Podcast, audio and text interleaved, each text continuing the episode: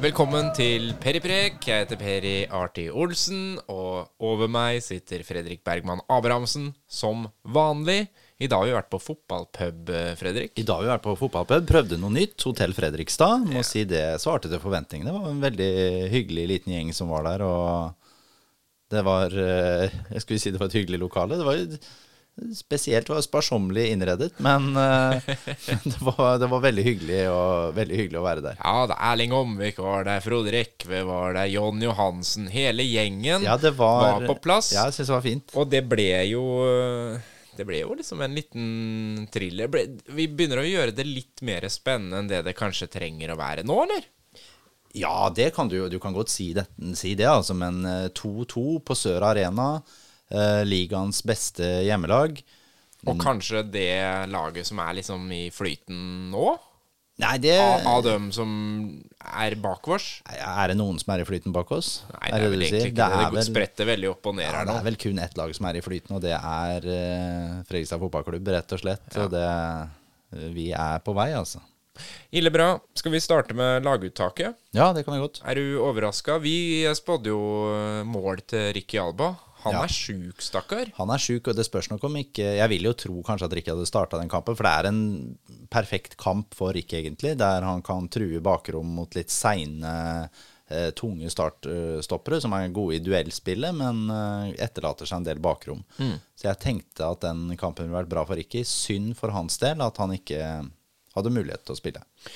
Og så er uh, Streim Molde spiller fortsatt venstrebekken. Der har fått inn spørsmål fra Simen Jensen, som uh, for øvrig også var vår mann på indre bane i denne kampen. Ja, jeg skjønte dette her. Ja da, Han uh, har sendt over noen klipp fra stemninga som vi skal få høre litt uh, senere. Ja, nettopp. Men han, han, spør rett og slett hvorfor starter vi med Strei Molde. Mange som lurer på akkurat det, mener han.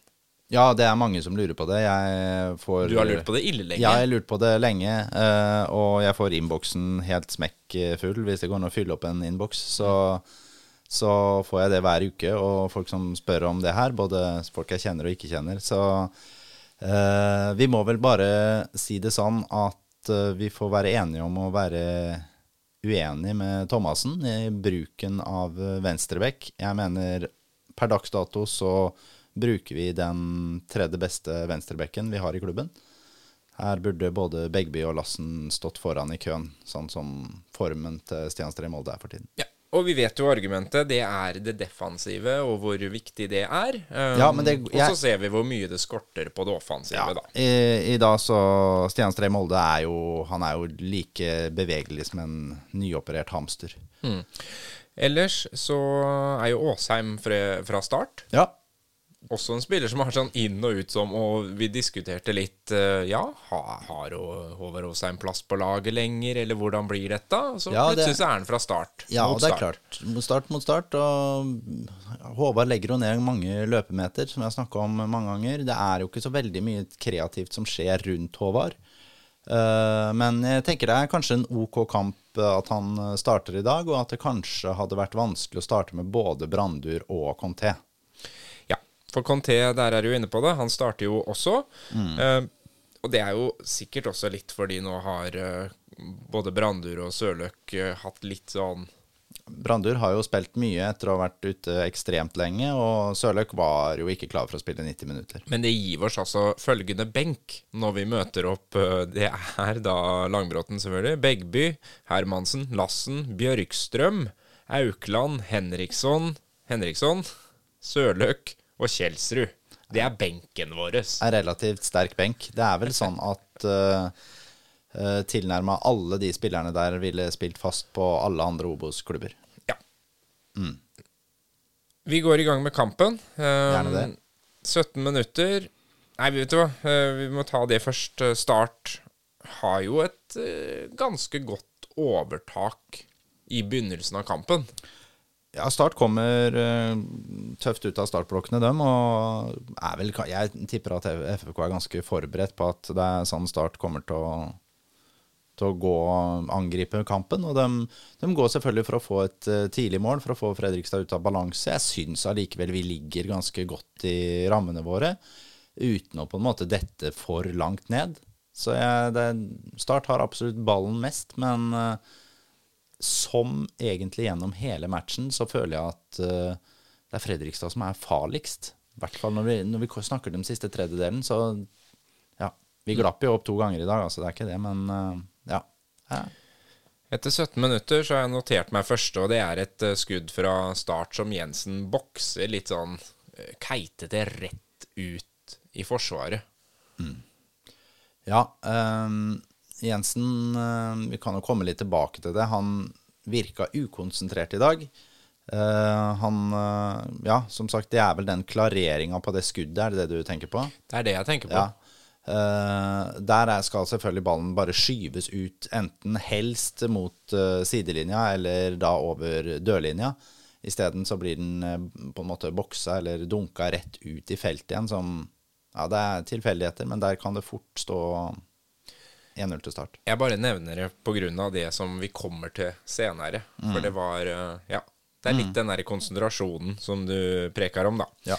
Men etter 23 minutter så får vi jo rett og slett et straffespark. Oskar Aga skaffer det straffesparket, og det er jo helt soleklart, det. Ja, det er soleklart, og det er litt sånn typisk eh, Mark Antonsson som, eh, som Han hadde jo en situasjon før der òg. Ja, og han er jo en sånn uvøren spiller. Han, det blir mye situasjoner rundt. Vi har sagt det før, han lign, minner om Lisandro Martinez, en dårlig utgave av han. uh, og han òg kommer oppi mange av disse kronglete situasjonene. Han er en lav stopper som spiller for, på fysikk. Uh, her lager han et veldig dumt straffespark for Start sin del. Veldig gledelig for FFK sin del. Og Oskar Aga bevega seg mye i dag og får betalt for det der. Det er Bjartalid som eh, tar det straffesparket. Vår mann. Yes. Og Simen Jensen, som var vår mann på indre bane, han eh, fikk dette klippet.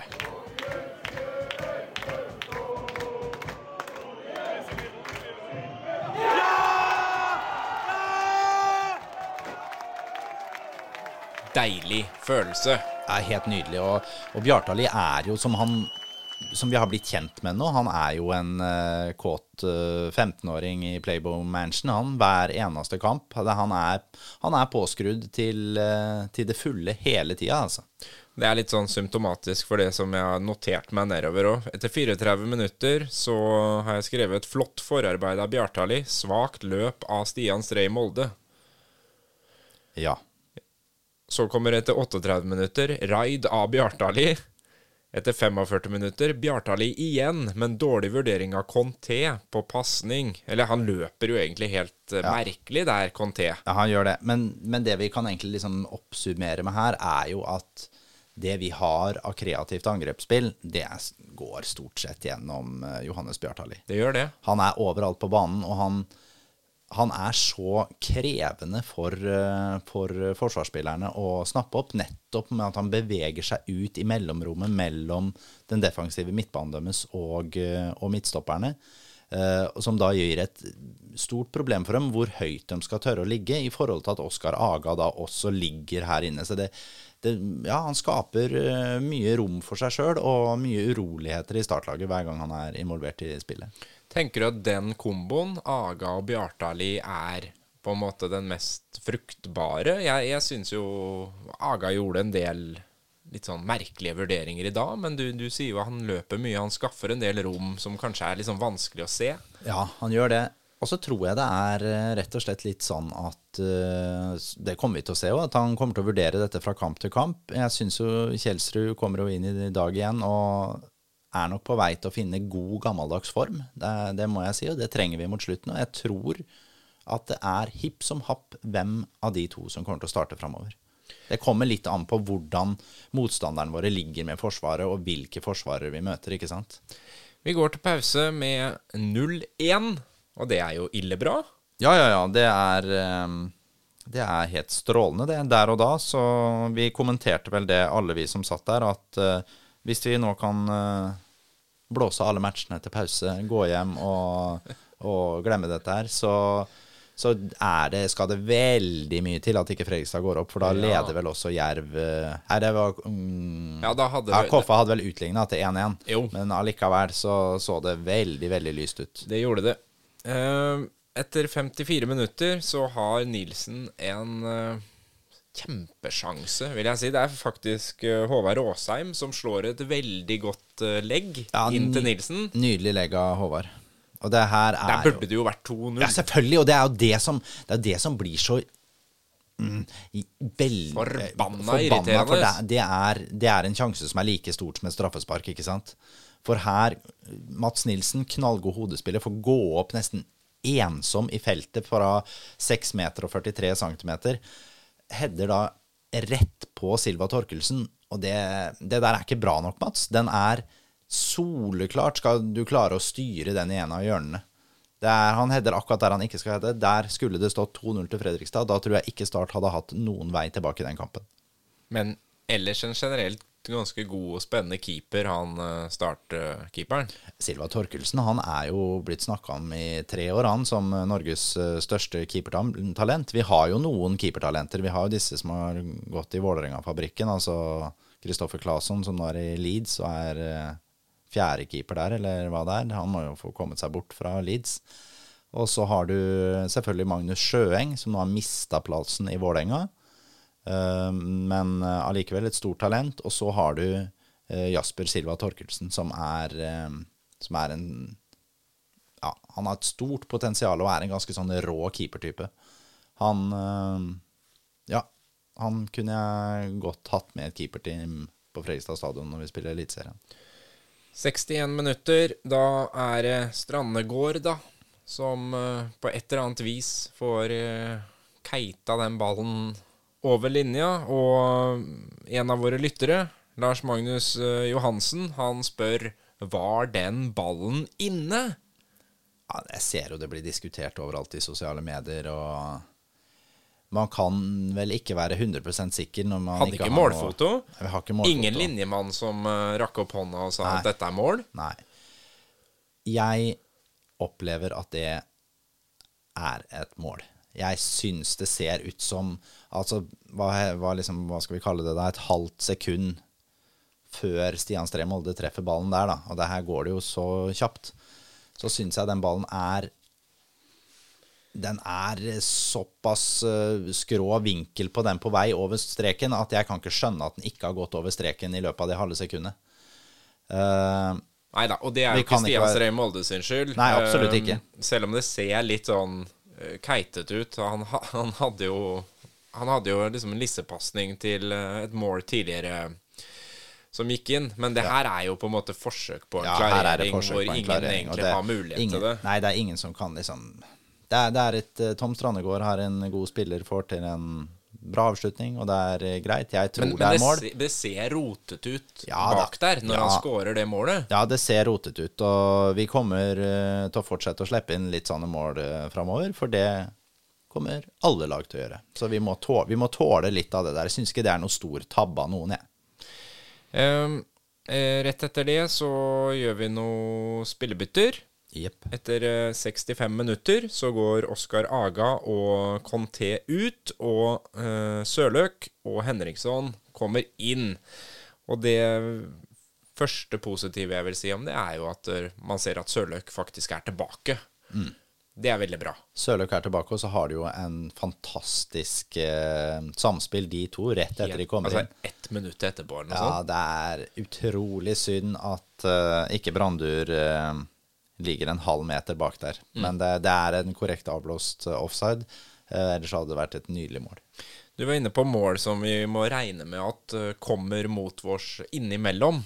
Men Ja. etter 71 minutter, da kommer et mål som jeg håper vi aldri får se igjen. For det er en gedigen keepertabbe. Ja, det er ingenting annet å si enn at uh, her er Håvard Jensen langt ute og sykler. Det, eller han er jo ikke det heller. Han, Og der han på en måte boksa feil i første omgang, så ja. får han jo ikke opp henda Altså, det ser veldig merkelig ut, og det ser veldig u... Altså, det er veldig Ja, uklassisk Håvard. Ja, for meg så ser det ut som Håvard ikke har huet helt på riktig sted nå. Uh, jeg syns det der uh, jeg, jeg, jeg skjønner ikke hva han prøver på heller i den involveringa. Han faller jo også så rart framover der. Jeg, jeg, jeg, skjønner liksom, jeg skjønner ikke hva som skjer helt. Eh, men det er jo ikke noe annet å si enn at det er et skudd som Eh, de fleste keepere tar 99 av 100 ganger. Det er en stor, stor keepertabbe. 71 minutter, altså. Og det er 2-1 til start. Ja, og Og hva, hva, hva, hva sitter du og føler da? Selvfølgelig, det, man går jo gjennom alle, alle følelsesrekkene. Uh, Svik, forbannelse, sjalusi Nei, ikke, Nei det er ikke så men- voldsomt, det er ikke, men man går gjennom en sånn en uh, Man prøver å berolige seg sjøl. Sånn, ja, ja, vi har fortsatt mange poeng foran, og ja, ja, Start er et vanskelig hjemmelag å møte, og alt dette her. Andre kamper gikk vår vei. Ja, men fortsatt så føles det så jæ forferdelig jævlig unødvendig. Uh, jeg syns det er en kamp vi har god kontroll på mye, i hvert fall, selv om det er masse å pirke på i den matchen her. Men jeg syns vi har liksom god kontroll likevel, og jeg syns vi var nærmere å skåre mål enn det Start var. Uh, og da er det jo også sånn at du blir sånn tenkende på tabellen. Ja, ok, Start var ti poeng bak oss. Ok, da er de nå sju poeng, da. Mm, ja, da er hun på en måte ikke helt ute av det. Det er det er ikke Start avskrevet. Ah, og det er noe drit å ikke Samtidig legge sanne lag bak seg. Driver Koffa og skårer flere og Ja, flere og flere mål. maler på. Så, men så gjøres det da et bytte i det 78. minutt, hvor Brage Skaret blir tatt av, og Filip Aukland kommer inn, og Håvard Aasheim går ut, og Kjellemann, Kjelsrud Johansen, kommer inn. Det, hvor lang tid tar det der? Jeg er usikker, for jeg, her er jeg litt varm i toppen. Ja, han har jo fått kreditert eh, scoring, scoringa i det 84. minutt. 84, ja. Altså, han var sånn Jeg- fem-seks minutter på banen. Ja, jeg noterte 83., så si, si fem minutter, da. Ja, det er jo Og så er det jo Det er jo kombinasjonen Aukland og Kjelsrud her. Ja, og det er jo det som er veldig gøy. At du har en fantastisk Det er et fantastisk legg, eller framspill, eller hva vi skal kalle det, av uh, Filip Haukland, som viser at han har en veldig mye bedre fot enn det Brage Skaret har. Brage har masse positive ting. Han er en ekstremt god duellspiller. Men den foten som Filip Haukland har, den har ikke Brage Skaret. Eh, og den vil vi se mer av Filip Haukland, og vi vil se flere avslutninger på, på den måten av Henrik Kjelsrud Johansen. Hør, bare hør åssen det hørtes ut, da. Ja. Hør på det.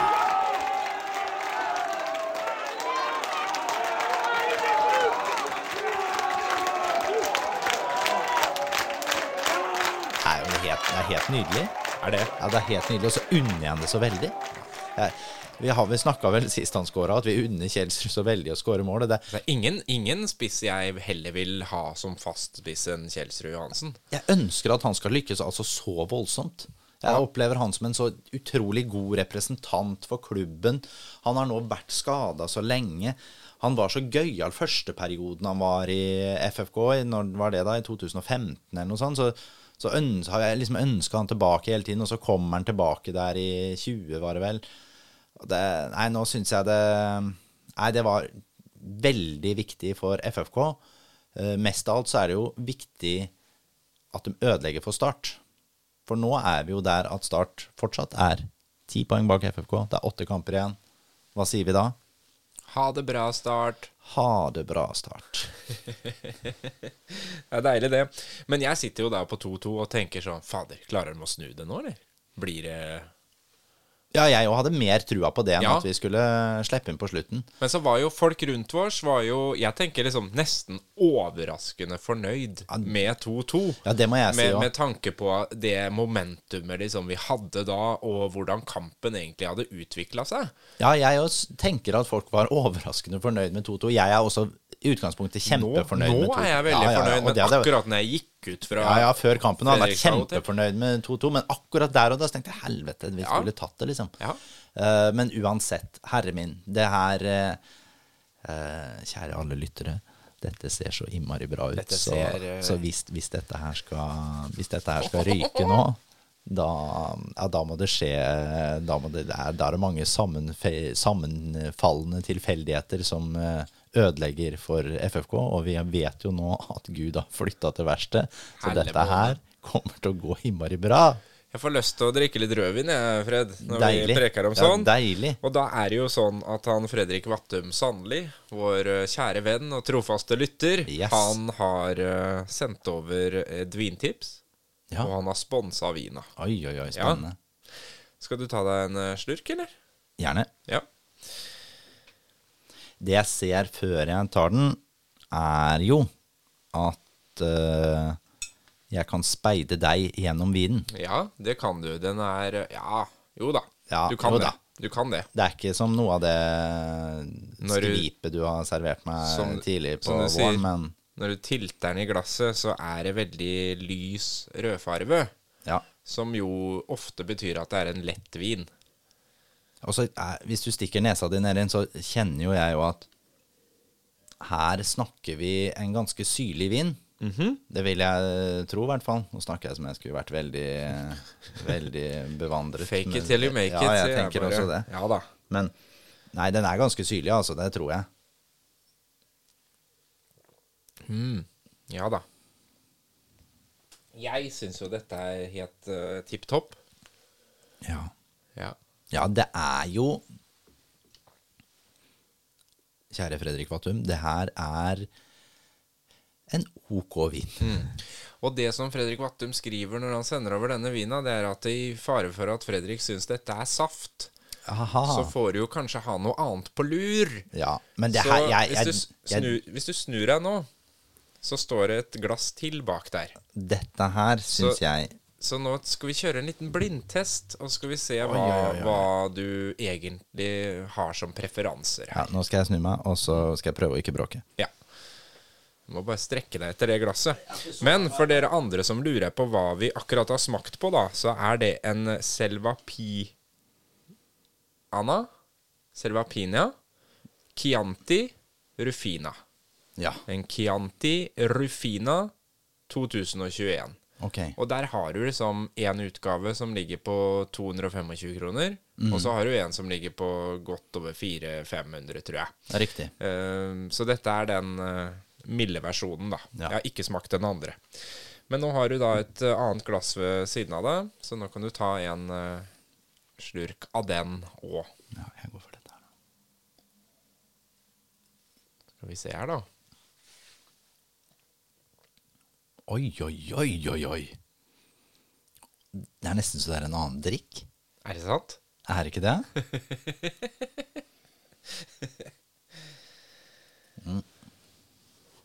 For hva er det du drikker for noe nå? Du var jo inne på det sjøl, da. Du sa det jo. Hva, skal jeg gjette hva jeg drikker? Ja, det kan du godt. Jeg, jeg må jo mm.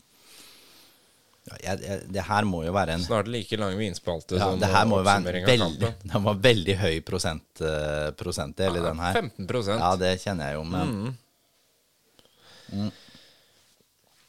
Ja, det her er jo vin etter min smak. Det er jo det. Jeg må jo si den er jo dyp rød. Mm. Røyka smak. Det er tobakk inn. Begge er jo Jordtoner. ja, begge er italienere, da. Ene en Chianti, og den andre Som om Bjørn Eidsvåg skulle sittet her Det er en Amarone. Det er en Tomasi Amarone Ja, er. Valpolicella Classico Yes. 2018. Den koster da 450 spenn på bordet. Fader, det er så jævla jålete, altså. Ja, du har blitt det. Ja. Rett og slett. Jeg det skal veldig- være tungt og heftig. Men men du kan kose deg med den, og så skal jeg kose Ja, men jeg drikker jo den andre òg. Det er klart du gjør det. Jeg, jeg, jeg skvalper den andre, og så koser jeg meg med den her. Er det lov? Det er jo søndag. Det er søndag. Men uh, tilbake til kampen. Vi kjører uh, spillerbørsen. Ok, Uh, etter eh, 2-2 på Sør Arena, en deilig match, så er det jo vanskelig å skulle liksom bli veldig hard, men det er jo litt, litt oppgaven å prøve å være ærlig, da. Så det får jeg være nå. Det er eh, Håvard. Jeg syns i dag virka du usikker. Eh, noen rare involveringer og en stor, stor tabbe på målet. Jeg er dessverre nødt til å dette ned på en treer på Håvard i dag. Eh, Maxwell jeg syns igjen er ikke like god som han har vært i andre kampene. Han eh, mister ballen noen ganger, feilberegner litt, men han har også noen gode brytninger som vi ikke får av noen av de andre stopperne. Han får en sekser. Mats Nilsen, du skulle ha skåra i dag, Mats. Den er stor, den sjansen der. Uh, ellers så er du fantastisk i duellspillet, som du alltid er, og det er uh, en glede å se på sånn sett. Uh, blir jo mindre og mindre avslørt på fart, og det er også en glede. Men jeg har sett deg enda bedre. Du får en sekser. Brageskaret, fantastisk i duellspillet. Er ikke så mye mer du får av Brage i dag. Han får en sekser. Men Brage er liksom Han er jo fast, skulle man tro nå.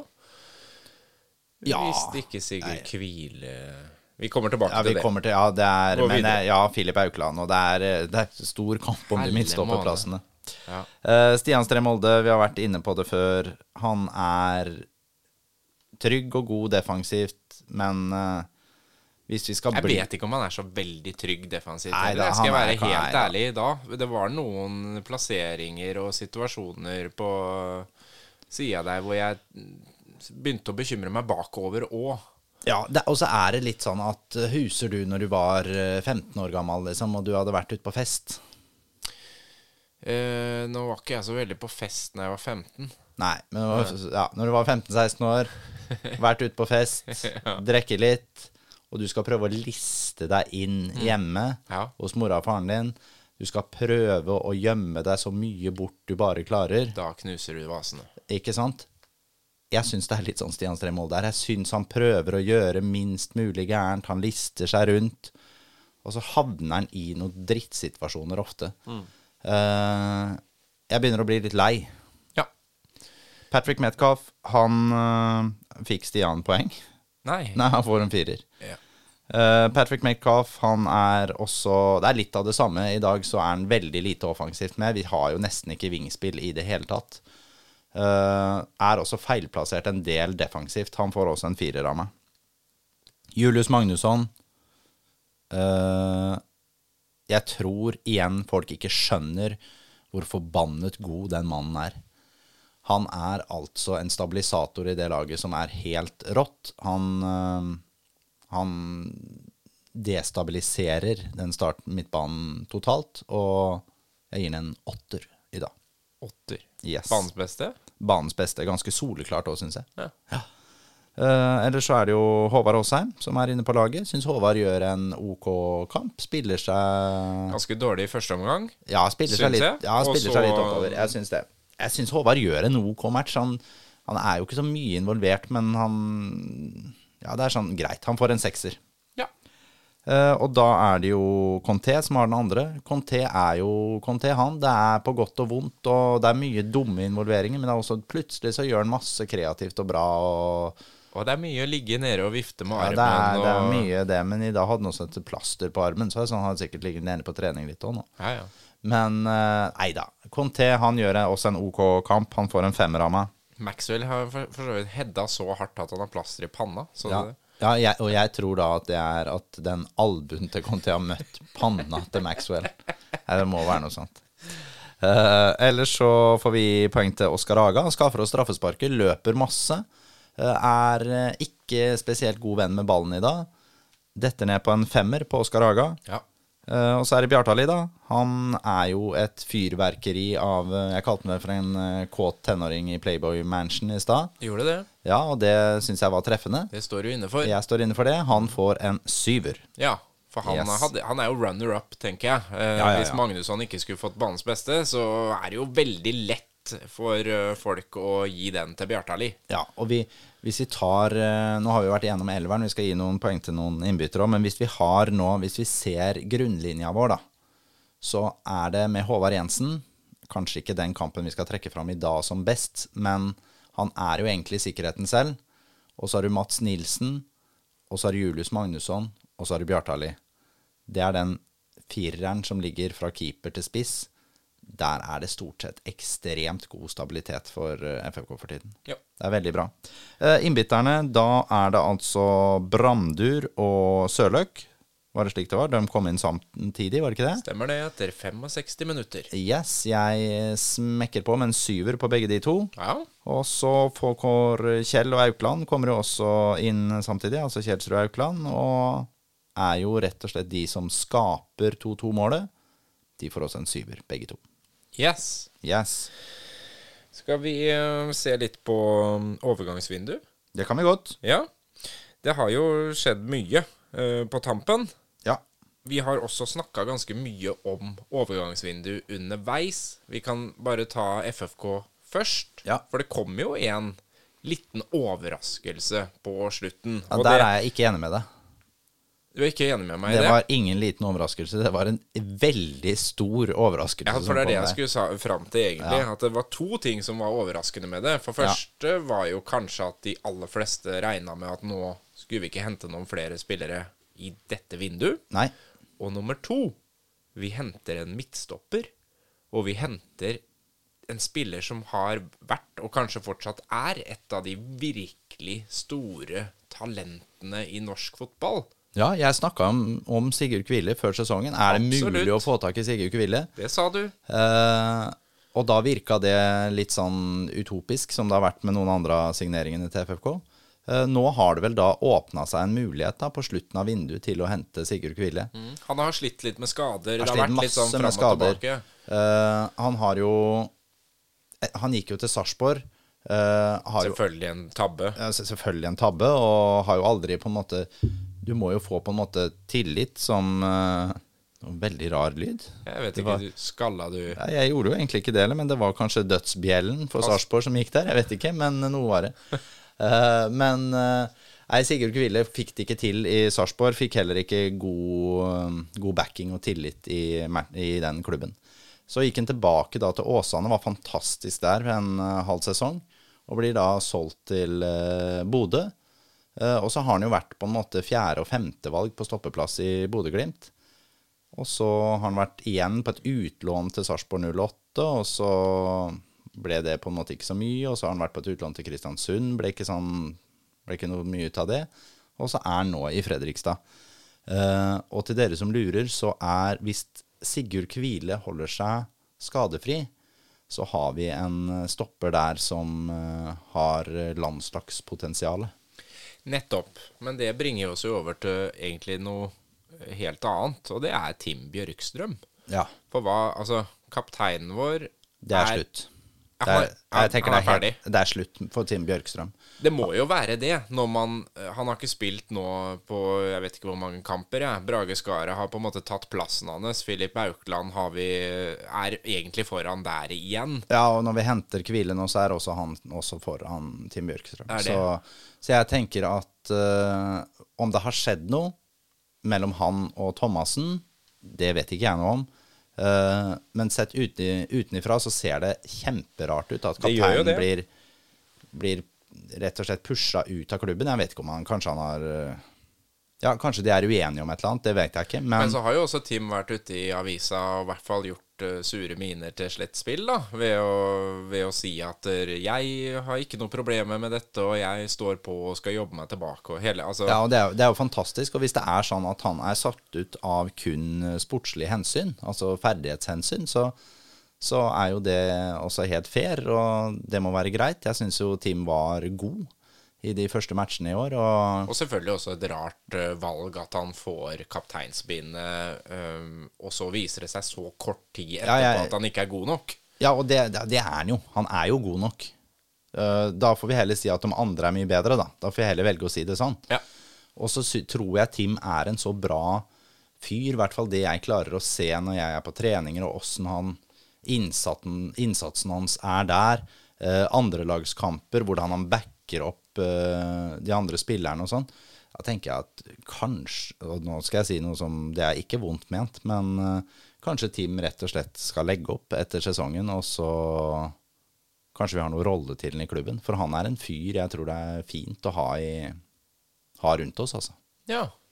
Tenker litt eh, Han- langsiktig Ja, Han har jo kontrakt ett år til, eh, men han virker det, Jeg kan ikke se for meg at han går inn, i en, går inn som spiller i en ny sesong i FFK da som det året han fyller 33. Det syns jeg høres rart ut. Ja. Ålreit, det var FFK. Ja, og da Eh, jeg bare si litt til om Sigurd Kvile. At uh, det at vi har henta han nå, og vi har Brage Skaret som er 21, vel, og vi har uh, Filip Aukland som er 24, kjempetalent. I tillegg så har vi Mats Nilsen, da. Og Maxwell vet jeg ikke om vi skal snakke noe mer om. Han er også 22 år. Uh, kan Sigurd Kvile være henta inn som en backup til Mats Nilsen? Jeg bare, jeg bare spør. Er det rett og slett Når sånn vi at, kommer til Eliteserien, tenker ja, at, det at man tenker litt sånn at uh, ser man Mats Nilsen har jo noen svakheter. Er det sånn at vi begynner å adressere de svakhetene og tenker eh, lenger fram i tid? Dette her veit jeg ikke, men Og så kanskje man må ha to så gode, eh, hva si, robuste å bytte på, da. Hvis Ja, du har en Kvile som har vært litt skadeutsatt, du har en Og Kvile har masse fart. Ja. Han er jo en sånn Han er en elegant midtstopper. God duellkraft og masse fart. Ja, og da er du inne på det der systemet igjen da, til Thomassen. Hvis du skal ha ulike roller til ulike kamper Du trenger en Mats Nilsen som kriger mot Lillestrøm, men du skal ha en litt feinschmaker mot uh, Molde, liksom. da. Ja, og det er ja. klart da, Er det de fem stopperne der, da tar jeg altså bort Team Bjørkstrøm, er det de fem stopperne der som stiller omtrent helt likt når vi går inn i en eliteseriesesong? Ja, da syns jeg vi ser gode ut her på midtstopperplass. Vi kan preke litt mer om det senere. Ja, det vil jeg tro. Åssen laget ser ut for, for dit vi skal. Ja. Ehm, men ja, eh, for å, skal vi oppsummere FFK først, da. Det overgangsvinduet her. Ehm, litt sett i lys av det med andre òg. Vi har jo snakka om mange klubber, f.eks. Start, ikke sant, som har Mm. mista sin uh, storskårer, sin beste spiller, kanskje. Savo borte fra start, Kartum borte fra Kristiansund. Ja. Ikke sant? Vi, det her er eh, Og så får vi si at uh, Kongsvinger står omtrent på stedet hvil, som de gjorde før vinduet begynte. Sogndal det samme, står omtrent på stedet hvil. Det er ikke store forbedringer vi ser i det Sogndal-laget heller. Det er jo FFK Koffa, litt svekka, ikke sant. Ja, ja. Solgte jo kanskje beste stopperen sin, ikke sant. FFK kommer jo ekstremt godt ut av det overgangsvinduet her. Og så er det én klubb til, Åsane. Åsane. Ja, ja, ja. For, det, for det første å klare å beholde en Daie, som vi har preka sinnssykt mye om i denne poden. Yes. Og så har de i tillegg klart å hente inn forsterkninger mot slutten.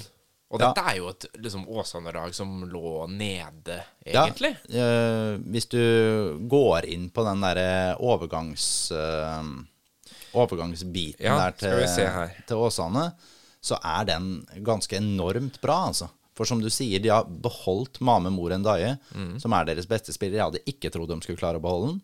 I tillegg så har de Du kan jo lese opp. Hvis De har altså fått inn Isak Tomar uh, Hjorteseth. Ja, lånt inn fra Brann. Vært fantastisk etter han ble lånt inn. 18 år, tror jeg han er.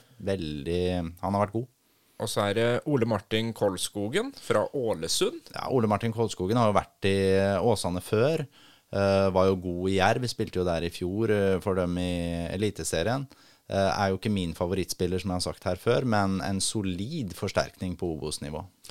Holder oss i Ålesund. Kristoffer Barmen har Christ kommet. Ja, Kristoffer Barmen er en god eliteseriespiller. Det må jo kun være at han hadde lyst til å flytte tilbake til Bergen. For at han Jeg kan, kan ikke skjønne. Han burde vært attraktiv for alle klubber i Obos-ligaen, og også en god del i Eliteserien. Og så er det da Steffen Lie Skålevik som kommer fra Sarpsborg 08. Ja, en av Norges ærligste fotballspillere altså, i, når det kommer til innsats. Fantastisk løpsradius. Han gir Han denger i alle dueller. Det overgangsvinduet til Åsane er meget bra. Jeg gir terningkast seks til Åsane og terningkast seks til FFK. Det er de to overgangsvinnerne i, i Obos-ligaen. Ellers så står omtrent alle andre på stedet hvil eller har svekka seg. Men det at vi er i den posisjonen og har klart å hente de spillerne vi nå har henta, hva, hva sier det på en måte om prosjektet FFK nå, og ikke minst da den jobben som Joakim Heier gjør akkurat nå? De signeringene som Joakim Heier har gjort nå, syns jeg Jeg skal ikke si omdefinerer hans rykte i FFK, for han har et godt rykte i FFK fra før. Men det Joakim Heier har gjort i det vinduet her, selvfølgelig med litt mer penger enn det han har hatt tidligere, er meget, meget bra. Han her har nå brukt, eh, vil jeg tro, da et eh, meget bra kontaktnett, og har sikra dealer med spillere som egentlig er for gode for der FFK er nå, eller i hvert fall perfekte da, for der FFK er nå. Jeg sier litt for gode, for da tenker jeg på Maxwell. Ja. Eh, Og da, ja. Og det er, jo, det er jo dette her som er så, så forbanna gøy. Og så gir det jo kanskje enda høyere press på Michael Thomassen. For det som FFK har gjort nå, er å investere såpass mye i den stallen, og de har henta så mye spillere under Michael Thomassen, at nå er det jo Jeg er kjempefornøyd med sånn Selvfølgelig, noe annet ville jo vært veldig rart, men nå er det jo sånn at det skulle bare mangle at FFK går opp på. Vi har, altså, fra Thomassen kom, så har vi henta et helt nytt lag. Henta tolv spillere, har vi ikke det? Jo. Jeg tror det er tolv spillere. Ja. Ja. Tolv, tolv nye spillere. Jeg tror det blir ikke sånn derre eh, Ja, vi har ikke henta noen ny keeper, men ellers har vi henta Kunne vi stilt opp en helt ny elver og i tillegg hatt et par på benken. Og de fleste av de spiller jo fra start òg. Så ja, det Og så er det er jo noen av dem som er på lån, eh, som kanskje ikke kommer til å fortsette. Noen må vi jo eventuelt da kjøpe. Ja. Altså Kvile og Lassen er vel i den Da har De vi jo- lån med opsjon på Ja. kjøp. Ja, og det, det Jeg tenker jo det Kvile Hvis ikke Kvile blir skada, så tror jeg nok det er eh, intensjonen å bruke den kjøpsopsjonen. Ja. Det tror jeg absolutt. Lasten er jeg litt mer usikker på, og det får vi se litt åssen utvikler seg. Hva med Aga? Er han en som forsvinner igjen etter denne sesongen? Eller Ja, Der har vi jo ikke noen kjøpsopsjon. Eh, spørsmålet er da om vi syns Oskar Aga, hvis vi skulle gå opp til Eliteserien, syns vi Oskar Aga er da god nok til å være vår spydspiss i Eliteserien, eller vi ønsker vi en spiss som er enda bedre enn det Oskar Aga er? Eh, det er litt vanskelig å si. Jeg hadde avventet den situasjonen litt og sett hvordan ting utvikler seg. Men det bringer oss inn på neste tema, og det er liksom hvor spillerstallen vår står akkurat nå. Hvem trenger å bevise noe for å være med på en måte videre på prosjekt Eliteserien? Ja, det, det, er, det her er jo litt interessant, og det her eh, skjønner jeg du spør om, for det her har jo vi snakka litt om òg, sånn utafor poden, at det er, det er jo vrient eh, det her nå. Nå tar vi utgangspunkt i at FFK går opp til Eliteserien. Jeg skjønner at folk blir nervøse når vi snakker sånn, men utgangspunktet vi har nå er så bra, folkens, at dette her må vi begynne å tenke på skikkelig nå Og, og se på laga rundt oss. Det Sånn er det. Gå på smell etter smell. Det er Ja. ett lag som er stabilt, som har Ja. tapt én kamp gjennom hele sesongen, liksom. Ja. Og det her er vi De som ikke har Vi får ta de som ikke har kontrakt, da. Håvard Aasheim. Ikke Ja. kontrakt. Snart den spilleren som har flest kamper for FFK. Skal han få ny kontrakt? Er Håvard god nok for å spille i Eliteserien? Det her er et uh, tvilstilfelle. Jeg tror ikke Håvard Aasheim er god nok til en startplass i en norsk eliteserieklubb. Dessverre tror jeg ikke det. Han er kanskje god nok til å være nummer 17, 18, 19 i en stall. Da er spørsmålet om vi vil ha en spiller som blir 29 år, som skal fylle opp den plassen. Rett og slett. Det høres brutalt ut, men sånn er, sånn er livet. Det er jo det vi må diskutere, Ja. rett og slett. Og så er det jo Stian Strei, da, som ikke eh, har ny kontrakt neste år. Eh, jeg mener ikke han er god nok til å spille, til å spille wingback i Eliteserien. Dessverre. Da, da, da får vi se hva vi gjør, da. Han virker jo som Ludvig Begby er totalt ute i kulda. Ja, for det, det er liksom akkurat hvis, hvis vi nå sitter og mener at Stian Strei ikke er god nok, og Ja. Ludde får ikke spille en eneste kamp, Ja. hvordan er egentlig ståa på venstrebekkplassen da? Nei, og da, da, er jo, da er jo løpet kjørt for Ludde, dessverre. Uh, og det, det syns jeg jo er kjempetrist. Uh, Oppi mitt hode så Ja, kanskje ikke Ludde er god nok til å spille alle kamper i Eliteserien, men eh, jeg vil, han har jo et kontrakt et år til, og den kan han jo bare velge å beholde og spille litt seriefotball. Det håper jeg Ludde gjør. Uh, Stian Streim mener jeg da ikke er god nok for å spille Eliteserien. Og så har vi Ricky Alba. Har heller ikke kontrakt. Uh, synd for Ricky, det sa jeg under kampen i dag. Synd at ikke han eh, spiller mot start, for der kunne han på en måte ha styrka korta sine veldig, tror jeg. Eh, sånn ting er nå, så ser jeg det som vanskelig for Ricky å få ny kontrakt i FFK. Vi skal forsterke stallen. Det er noen som må gå ut, og, folkens. Det, er, det høres brutalt ut, men sånn er livet.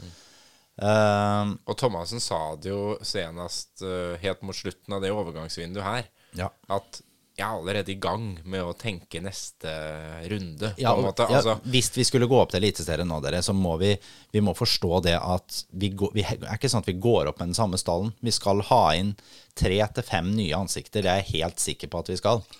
Da er det ikke sånn at vi kan beholde alle som er der fra før. og det jeg vil gjerne at alle skal være med opp, og alle skal ha det bra, og det er fine gutter alle sammen. Det har Ja ikke noe med det å gjøre. Men fotball er brutalt innimellom. Eh, og så er ja, det er jo en alle, alle topplaga har jo gjort dette i alle år. Altså Man ser hele tida Ja, ja, ja, etter den neste Ja, midtbanegeneralen, den neste superspissen. Alle vil ha Haaland og De Bruyne, liksom. ja, vi, Man vil jo alltid bli bedre. Ja. Man kan jo aldri slå seg til ro med å være 'nå er vi gode nok'. Mm. Det går ikke an. Uh, og så er det jo Håvard Jensen, da. Har jo ikke kontrakt. Nei, og den må jeg jo si Det, det var jo noe jeg tenkte at det, dette kommer til å bli fiksa veldig fort. Ja. Og øh, liksom bli spikra, sånn at vi slapp å lure på det, eller gå og liksom tenke på når, når er det han skal få Enten om han har fått tilbud, eller om han Altså, hva, hva skjer? Ja, jeg syns jo det er eh, merkverdig at uh, ikke det er kommet noen løsning på. Kanskje Håvard har avslått noe- noen kontrakter der. Jeg, jeg syns det jo kanskje høres rart ut. Han vil vel være med Vil vel sikkert være med opp til Eliteserien, han òg. Kanskje det står på lønn, jeg, jeg veit ikke. Uh, Oppi mitt hode så, så kan det i hvert fall ikke stå på ferdigheter, selv om kampen i dag er svak. Ja da. Uh, Nei, jeg syns uh, eh, Jeg kan ikke forstå at FFK kan klare å få tak i en keeper som er veldig mye bedre enn Håvard Jensen.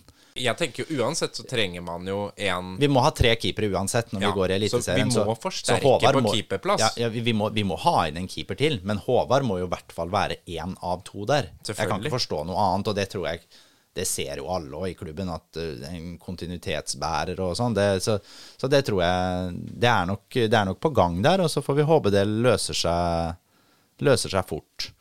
Eh, og så får vi se hva vi gjør videre på keeperplass, om vi henter inn en backup for Håvard, eller om vi henter inn en direkte konkurrent. Bortsett fra dem vi har preka om nå, som er Jensen, Åsheim, Alba, Strei Molde og Ludde Begby. Er det noen du føler uh, må på en måte steppe opp et hakk, eller har, har noe å bevise for å beholde plassen sin, og ikke Da tenker jeg kanskje også at du blir bytta At du er indreløper, da.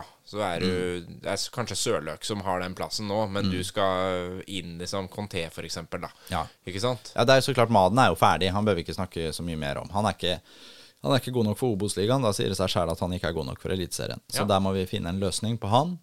Uh, ellers så er det så, Nå har vi jo snakka en del om disse midtstopperne våre. Da er det jo Tim Bjørkstrøm som er i en vanskelig situasjon om han skal være med videre. Det, ja, det er vel noe som man må ta tak i. Uh, og ellers så er det vel uh, Ja. Jeg tenker uh, egentlig at vi Det er de vi har snakka om nå, jeg, som det står, står om. Det er dem det er usikkerhet Ja, jeg, rundt. jeg tenker egentlig det oppi mitt hode, da. Det her er jo hva jeg tror og tenker. Ehm, skal vi ta tak i litt på en måte det um, regimet, kall det, som, som eh, Simen Raffen uh, prata om. eh, og hva som liksom kreves av spillerne i, med treningskultur. Det at de blir kjørt ganske hardt eh, Ja. på trening. Er det noen av dem som man liksom ser har falt av pga. det? Ja, det tror jeg det er. Og Thomas Drage som er eh, borte nå. Han tror jeg på en måte ikke Han hadde ikke muligheten til å følge det treningsregimet. Det tror jeg ikke, i hvert fall. Det, Det var en slags sånn første utsiling fra Thomassen sin side. Ja, liksom. det- hvem, hvem tåler det trøkket her? Ja, det tror jeg kanskje. Og så, er det vel sånn at det er ganske mange som tåler et sånt trøkk i ett år. Eh, kanskje også halvannet. Og så må man jo se sånn, ja, tåler denne spilleren dette trøkket i lengden? Eh, det, det vet jo ikke vi noe om, men det er jo også en vurdering som må tas. Og det er jo også en kjempeviktig ting å vurdere når du skal signere en ny spiller. Ikke sant? Du kan ikke signere en eh, Ronaldinho, hvis du skjønner sammenligningen. En spiller som ikke likte å trene noe særlig i det. Han likte å stå bare heppe med ballen. Sånne spillere kan vi ikke Var veldig god på det, da. Han var veldig god på det, men sånne spillere kan vi ikke hente til FFK. Vi kan ikke hente Raymond Kvisvik og spille i det treningsregimet som Thomassen har. Eh, Da må vi hente disse maskinspillerne. Skal vi gå eh, se, se litt på dem som eventuelt kunne komme tilbake igjen? Mhm. Ja, altså de, de som er utlånt? Ja. Ja, det kan vi altså Noah. Williams eh, tenker jeg først og fremst på nå. Ja. Um, Åssen går det med han? Ja, Noah skåra jo i forrige match for uh, Skeid. Et Skeid-lag som uh, ser helt uh, ferdig ut. Ser helt akterutseilt ut. Jeg så slutten ut. på den uh, kampen, og det Ja. ja jeg, jeg, må si Noah Williams er en av de få lyspunktene i det Skeid-laget. Han jobber og sliter og prøver å gå av, og sånn, men det er, det er et lag totalt blotta for selvtillit. Heller ikke veldig lett. Jeg tenkte litt på det da. liksom Er Obos-ligaen litt sånn vanskelig liga for en liten liten kar som Noah. Ja, i hvert fall når det blir eh, såpass mye duellspill, da, så mm. blir du tatt ganske, ganske tidlig. Eh, nå var nok Obos-ligaen enda mer knokkelliga før enn det det er nå. Eh, men eh, Noah tror jeg Jeg håper, som jeg har sagt før, jeg tror ikke han er ferdig i FFK. Håper vi får se han tilbake, og han har noen ferdigheter som er veldig, veldig spennende. Så har vi Tage Oskar. Ja, ta Tage først, da, som også er i Skeid. Han Uh, nå så jeg den kampen i sin helhet og har sett nøkkelsituasjoner en del etterpå. Det 1-0-målet til Åsane etter tre minutter der, så følger jo ikke Tage Johansen mannen sin i det hele tatt. Uh, leser spillet svakt, er for langt unna situasjonene, virker usikker. Uh, Tage har vel ikke kontrakt med FFK til neste år heller, har han det? Jeg ja, det må jeg slå ja, det er jeg veldig usikker på. Uh, han er i hvert fall Jeg kan si med en gang at Tage Johansen er ikke god nok for norsk eliteserie. Uh, jeg mener også at han ikke er god nok for Obos-liganivå per dags dato. Uh, derfor så er han ikke en spiller vi kan ha med oss videre. Det høres, Han lagde også et veldig klønete straffespark der. Spørsmålet er jo kanskje om den ballen er opp igjen Åsane spiller først i handa og så opp i Tage sin hånd, men han bokser den jo ut av feltet. Uh, ja, det er, det jeg syns det er mye rare vurderinger fra Tage, og dessverre så tror jeg ikke han per dags dato er den stopperen vi håpa han kom til å bli for oss. Mm. Jeg ser ikke akkurat når den eh, kontrakten går ut. Men, men, du kan, jeg vet ikke Raufoss spilte jo hjemme mot uh, Moss i dag. Mm. Jeg vet ikke om uh, Oskar spilte der. Ja, det ja, det kan vi finne ut av med et lite scroll her. Scroll i vei der. Det, det bringer jo oss også inn på resultatene da, i resten av eh, runden. Ja, vi tar Oskar først, bare? Vi tar Oskar først. Han spilte ikke Han spilte ikke satt på benken, da? Nei. Nei. Jo, det gjorde han. Ja. Ubrukte innbyttere. Ja. Fem Jansson. Ikke sant. Da, da, er det rett og slett sånn at uh, han får spille så lite i Raufoss nå at det lånet der syns jeg faktisk vi skal avslutte. Hente den tilbake igjen? Ja, det, han er jo på et sånt uh, utviklingslån. Utviklingslån. Ja, bra. Ja. Uh, så han syns jeg, når han spiller så lite, da syns jeg heller vi kan bruke han på FFK2 enn at han skal spille på Raufoss 2. Uh, det der kan jeg ikke skjønne er noe utviklende for uh, Oskar Kjøge Jansson å være fjerdevalg på stoppeplass oppe i de dype skoger i, på Nammo stadion. Det syns jeg ikke har blitt det utlånet som man var forespeila. Jeg uh, Høres kjedelig og litt sånn drepende ut. Ja, det syns, det syns jeg ikke høres noe ålreit ut. Nei. Eh, vi, vi, tar runden, da. Ja, kjør på. Eh, I går, lørdag, så spilte Hødd mot Kongsvinger. Ja, fantastisk. Og dette Hødd-laget som vi brøt ned og sammen ja. eh, forrige runde De kjempa rett og slett Kongsvinger ut av stilen? Rett og slett 2-1. 2-1 til Hødd, og det er Mogensen vel som skårer seiersmålet der. Som ja, er lånt ut fra Sarpsborg 08. Mm, ja, Mogensen skåra 1-1-målet, oh, ja. og så var det Larsen som skåra seiersmålet. Nettopp. Ja. ja. Eh, og så er det Kristiansund, Mjøndalen. De spiller 0-0. Ja, utrolig. Altså, helt nydelig resultat. Altså, dette er, ja, det er helt det, midt i blinken. Ja, det kunne ikke vært bedre. Og så har du da eh, Sogndal, som taper for Ranheim. Ja, Ranheim er i dytten, og Sogndal, nå spiller dere dere rett og slett ut av opprykkskampen. Mm. Ranheim derimot, de, de spiller seg inn i kvalikkampen.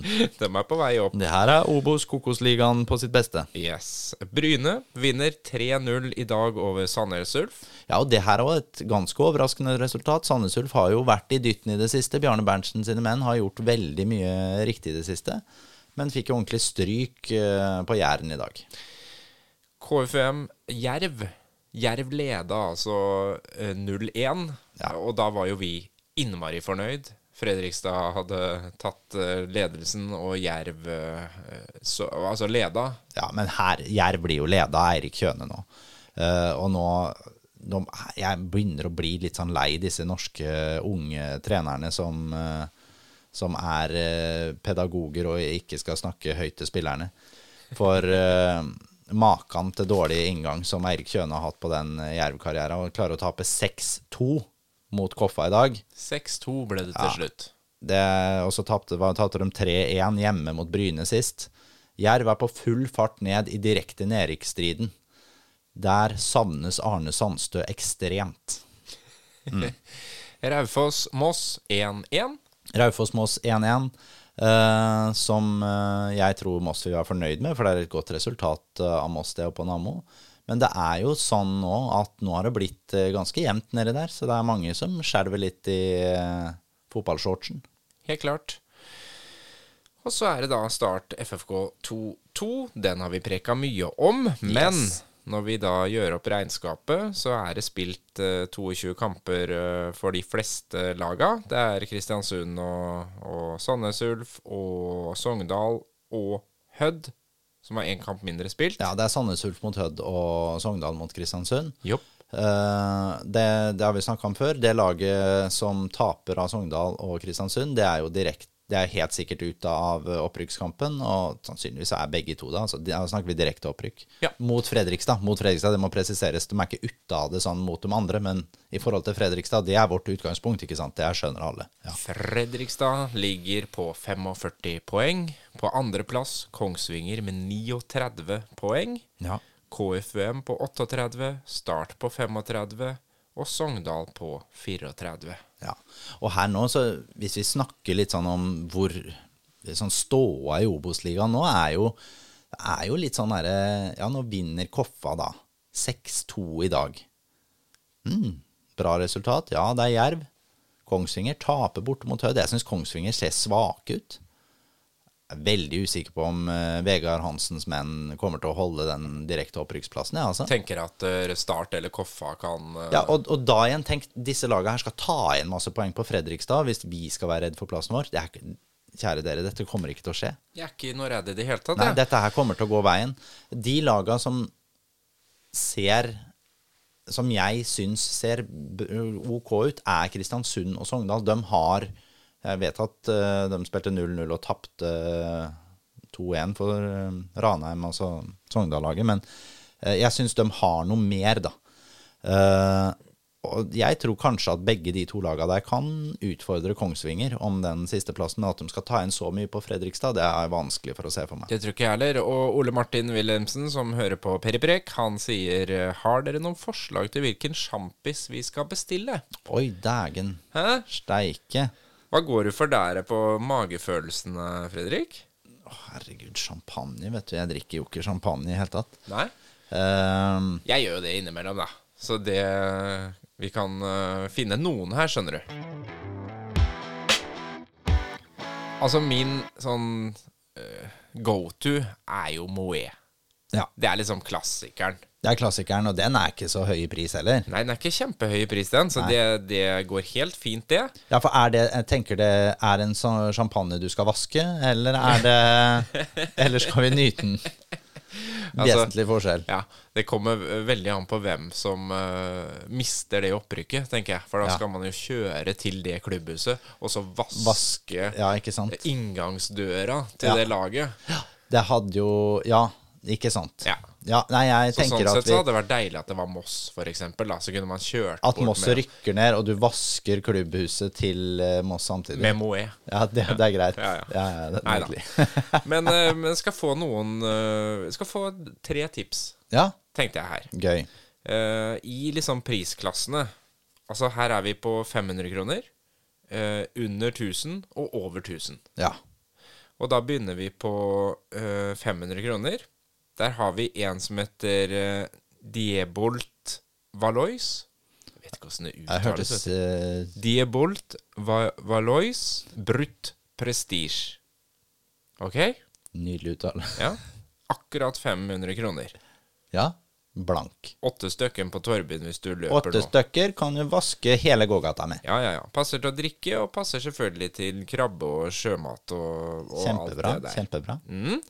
Og så, hvis min favoritt er jo Uh, Bollinger, eller Ja. Bollinger. Bollinger, vet du. Ja. Det, da snakker vi jo litt uh, Der er vi vel mer ja, oppe på 600-700 kroner, Ja, liksom. Og det, det er det jeg kaller nyttårssjampanjen. Ja, den Altså, skal hvis- du vaske klubbhuset til Sarpsborg med. Det skal, da skal jeg love deg. Det skal stå på etter veggene. Nydelig. Så Bollinger Yes. uh, rundt 700. Helt suveren. Der mener jeg at du, du trenger ikke Du får ikke noe bedre. Nei, du har overbevist meg nå. Den kommer jeg til å kjøpe. Og så har jeg en siste, da. Hvis du Ja. liksom virkelig skal, skal kline til. Uh, jeg skal bare få den opp her nå.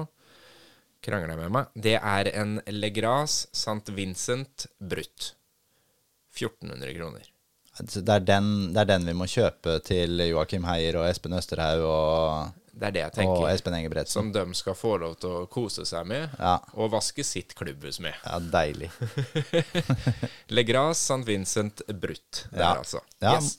gøy. Jeg, skal legge ut alle sammen på, Gjør det, gjør det. på Periprek, og så kan du jo på en måte smake deg fram, og så spare den beste til sist. Ikke at du kjøper noen av hver, da. Jeg kjøper én av hver, og så Ja, ja, ja. liksom For du tenker ikke på at det er nedgangstider i samfunnet, og her skal det kjøres på. Jeg tenker at folk... Er det én gang du skal bruke mastercardet, så er det nå. Det er det du Det tenker. er det jeg tenker. Det er det du tenker. Det er det jeg tenker. Ja, jeg jeg, Jeg hørte at polprisen har gått opp igjen nå. Ja, men akkurat Begynner å bli dyrt, det Ja, greiene men her. polet så orker vi ikke å se så mye på pris. Vi er bare svarer på det folk eh, spør om. Du er en eh, mann av folket. Yes. Um, noe som ikke er liksom noe å sprette champagne for.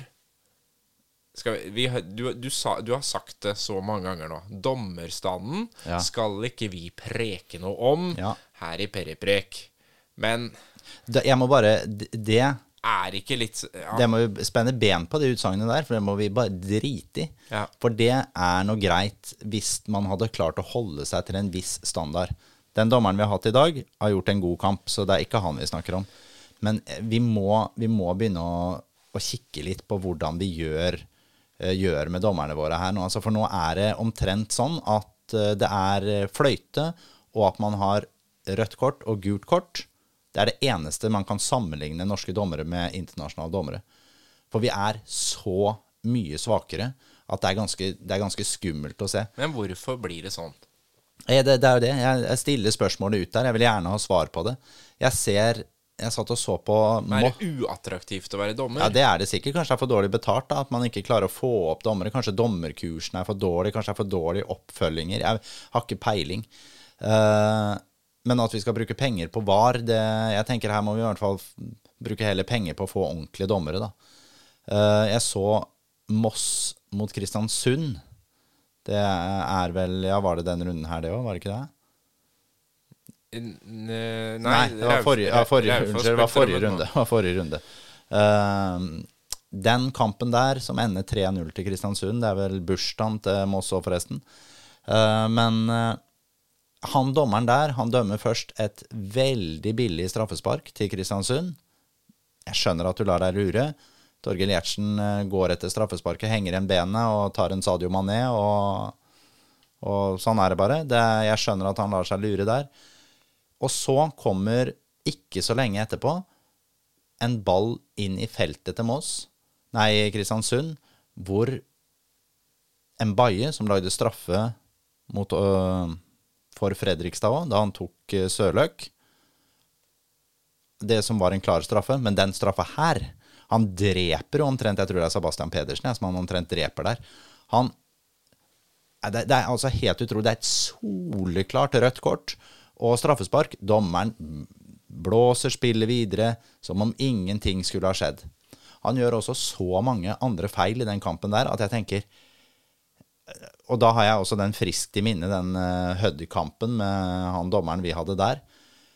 Det, det går ikke an, altså. Det går for pokker ikke an at det er så svak dømming. Jeg håper at de dommerne der blir tatt bort og ikke får dømt noe mer i Obos-ligaen i år. Og så må vi bare få Vi må få trena opp dommere. Vi må legge mer penger i potten. Vi må ha bedre dommere, ellers så ødelegger du hele spillet. Den kampen Moss-kampen der mot Kristiansund. Den kan avgjøre opprykk og nedrykkskamp. Den gjør at Kongs, eh, Kristiansund der sannsynligvis ikke hadde vunnet den matchen i hele tatt. Hadde hatt mindre poeng, hadde kanskje ikke slitt med å komme seg inn i kvalik. Nå er de plutselig med fortsatt om direkte opprykk. Moss taper den kampen 3-0, har nå rota seg helt ned i nedrykksstriden. Kan rykke ned i forhold til at de kunne fått kanskje tre poeng ekstra der da, og hadde vært fritatt fra hele nedrykksstriden. Og nå kanskje de må vente på en liten kvalikplass, f.eks. Og det, det, da blir det så avgjørende, da. Og jeg skjønner at en dommer kan gjøre feil innimellom, men det går, det går ikke an å gjøre så ekstremt grove feil. Det, det går ikke an. Alle, på, alle som sitter og ser på TV, alle som sitter på stadion, ser hva som skjer, og så blåser du ikke. Men det blir bedre i Eliteserien. Ja, det er bedre dommere i Eliteserien, men vi har så få gode dommere. Se på championship i England, hvor gode dommerne er der. Se hvor, hvor gode dommerne er i Danmark. Mye høyere nivå. Så er de så dårlige i Premier League.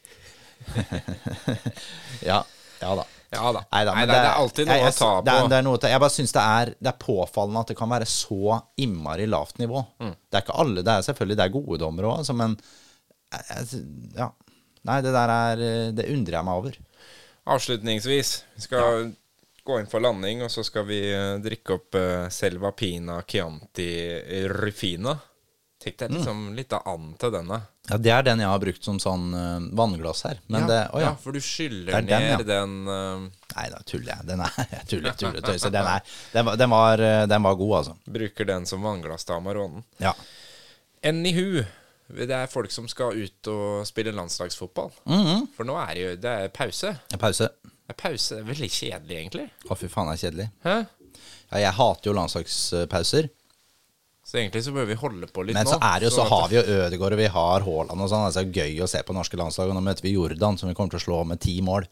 Så her kommer vel eh, Haaland til å mekke inn og forbedre statistikken sin enda mer, tenker jeg. Helt sikkert. Men FFK-spillere Ja. som skal ut og kjempe med flagget på brøstet, Ja. hvem, hvem er det? Ja, det er jo Brandur og, og Johannes for Færøyene. Altså Magnusson. Og så Magnusson for Island. Ja. Uh, for å ta Færøyene-gutta våre først. Uh, jeg er jo litt sånn, det må jeg si med alle, da, at det er sånn oh, Hadde det kanskje ikke vært bedre om de fikk en liten pause nå? Altså Jo, de kunne jo. fått hvila litt? Det Jeg, det er litt det jeg tenker. Jeg Altså, så, men, så hvor sliten Bjartali var i dag. Han løper og løper og løper. løper og løper og løper. Ja, og, men samtidig da, så må vi tenke på det. Den boosten man får med å spille landslagsfotball, møte for enkelte verdensstjerner og få være med å kjenne på det nivået der, de er jo i det lange løp selvfølgelig veldig utviklende. Men man hadde nok trengt å puste litt uh, samtidig, altså. Ja. Men det er nok sånn at uh, Brandur kommer nok ikke til å spille 92 minutter. Uh, det kan nok fort Johannes gjøre. Men det er veldig spennende å se dem Å se hvordan de kommer til å gjøre det nå. Det er moro å se at Brandur er, er med for fullt på landslaget igjen. Og så har du Julius Magnusson. Er det Bare første si det. Færøyene møter da Polen. Ja, ikke sant? Lewandowski. Så de får jo møte Lewandowski, og så er det Moldova uh, tre dager etter det igjen, da. Ja, og der er det vel sånn at uh, Færøyene er nesten avhengig av to seire, tror jeg. Uh, Moldova tror jeg kanskje de fort de tar. Polen er det jo underdogs, men jeg har jo begynt å elske færøysk fotball nå, så jeg går for to trepoengere til Færøyene. De trenger det. De ligger med ett poeng i gruppa etter tre kamper spilt. Ja. Så de trenger sårt eh, poeng. Yes. Og så er det Island, da. Magnusson. Eh, og han, han, blir jo, han blir jo tatt ut for det han har gjort på FFK nå. Ja, og det er ganske utrolig. Det er Åge Hareide som er eh, landslagssjef for Island nå. Eh, og det, det at du blir tatt ut til kvalkamp for Island Det er svært. Det er ganske stort pga. at Island har veldig mange gode midtbanespillere. Så her har Julius Magnusson gått forbi ganske mange. Det er vel første gang han skal spille en obligator... Altså ikke treningskamp, da. Det tror jeg det er. Jeg tror det er første gang han spiller noen sånn kvalkamp. Og det, det hadde vært veldig morsomt for Julius om han fikk spilletid. Eh, Jeg tror heller ikke han kommer til å spille to 90-minuttere. Det vil overraske meg mye. Men det å få kjenne på det nivået her, og ikke minst hva det vil si for FFK, at vi nå vi spiller i Obos-ligaen, men vi har med spiller i den islandske landslagstroppen.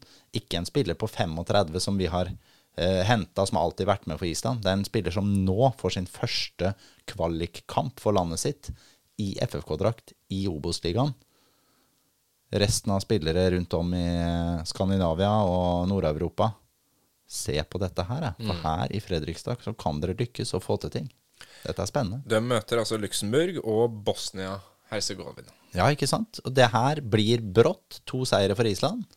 Og det trenger de, ja, for det- de eh, ligger også langt nede Ja, de ligger også litt risig til, og, og der tenker jeg at uh, Julius får litt spilletid, og det kan bli en skikkelig energiboost for den gutten. Suverent. Ikke som det ser ut som han trenger noe energiboost, for uh, pokker heller, den mannen er, uh, den er rå. Ja. Skal vi la det være siste ord, eller? Ja, vet du hva, det kan vi godt gjøre. Helle måned. Nå, Helle når er måned. neste Vi må ta neste kamp, da. Ja, vet du hva, du vil på å glemme det òg.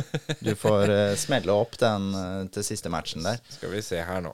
Og det, det er, neste kamp er jo, det er jo Sogndalen. Det vet vi jo. Det er vel søndag, er det ikke det? da? Det tror er søndag 17. september. Det er akkurat to uker til. Åh, det er altfor lenge. Det er altfor lenge, men det er, det er jo ikke så lenge. Ja.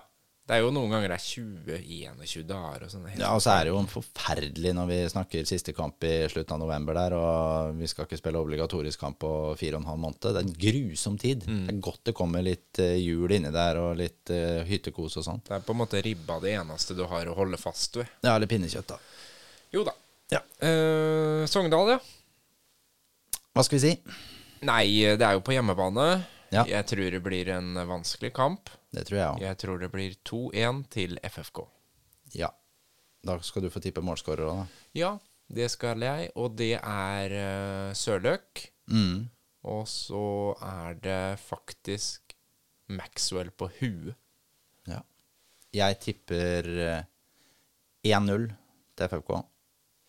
Og jeg tipper Henrik Kjelsrud Johansen. Ja, det hadde vært deilig. Det hadde vært deilig. Mm.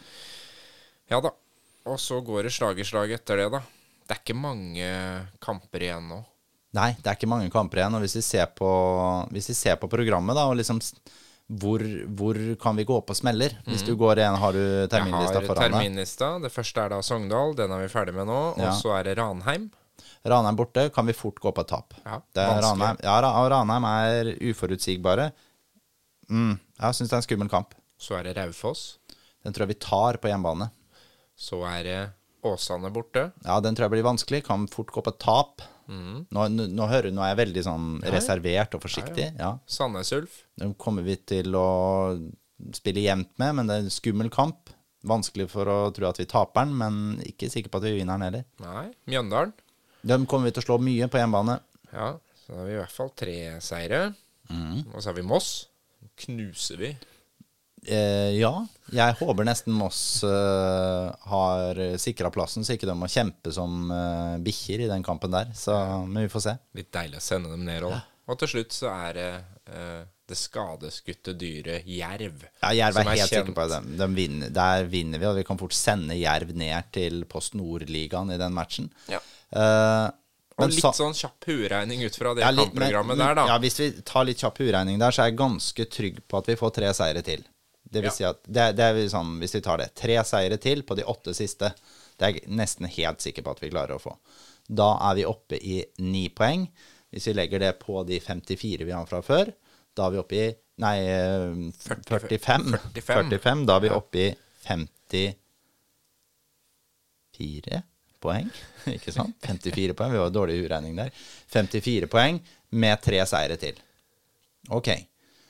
Da vil det si at mm, ok, da har vi jo fem matcher igjen. Taper vi alle de fem? Nei, det gjør vi helt sikkert ikke. Spiller vi tre uavgjort og taper to, da, f.eks. Da har vi fortsatt gjort det dårligere enn vi har gjort før i sesongen, men vi går for den. Da har vi tre poeng til. Da er vi oppe i 57 poeng. Ja. Da har vi rykka opp. Alle, altså, de sier jo det. Alle som nærmer seg 60-tallet. Ja, ja, vi rykker opp med 57 poeng. Ja. Tre seire, tre uavgjorte, to tap. Da snakker vi Eliteserie 2024, kjære venner. Og dette her syns jeg dere skal eh, kose dere med. For det her er en deilig tid å være rødhvit. Begynn å kjøpe inn champagne nå. Det er bare å bestille. Fem-seks av hver. For nå skal det bli fest i Fredrikstad by. Røde og hvite er de beste. Heia, heia, Fredrikstad.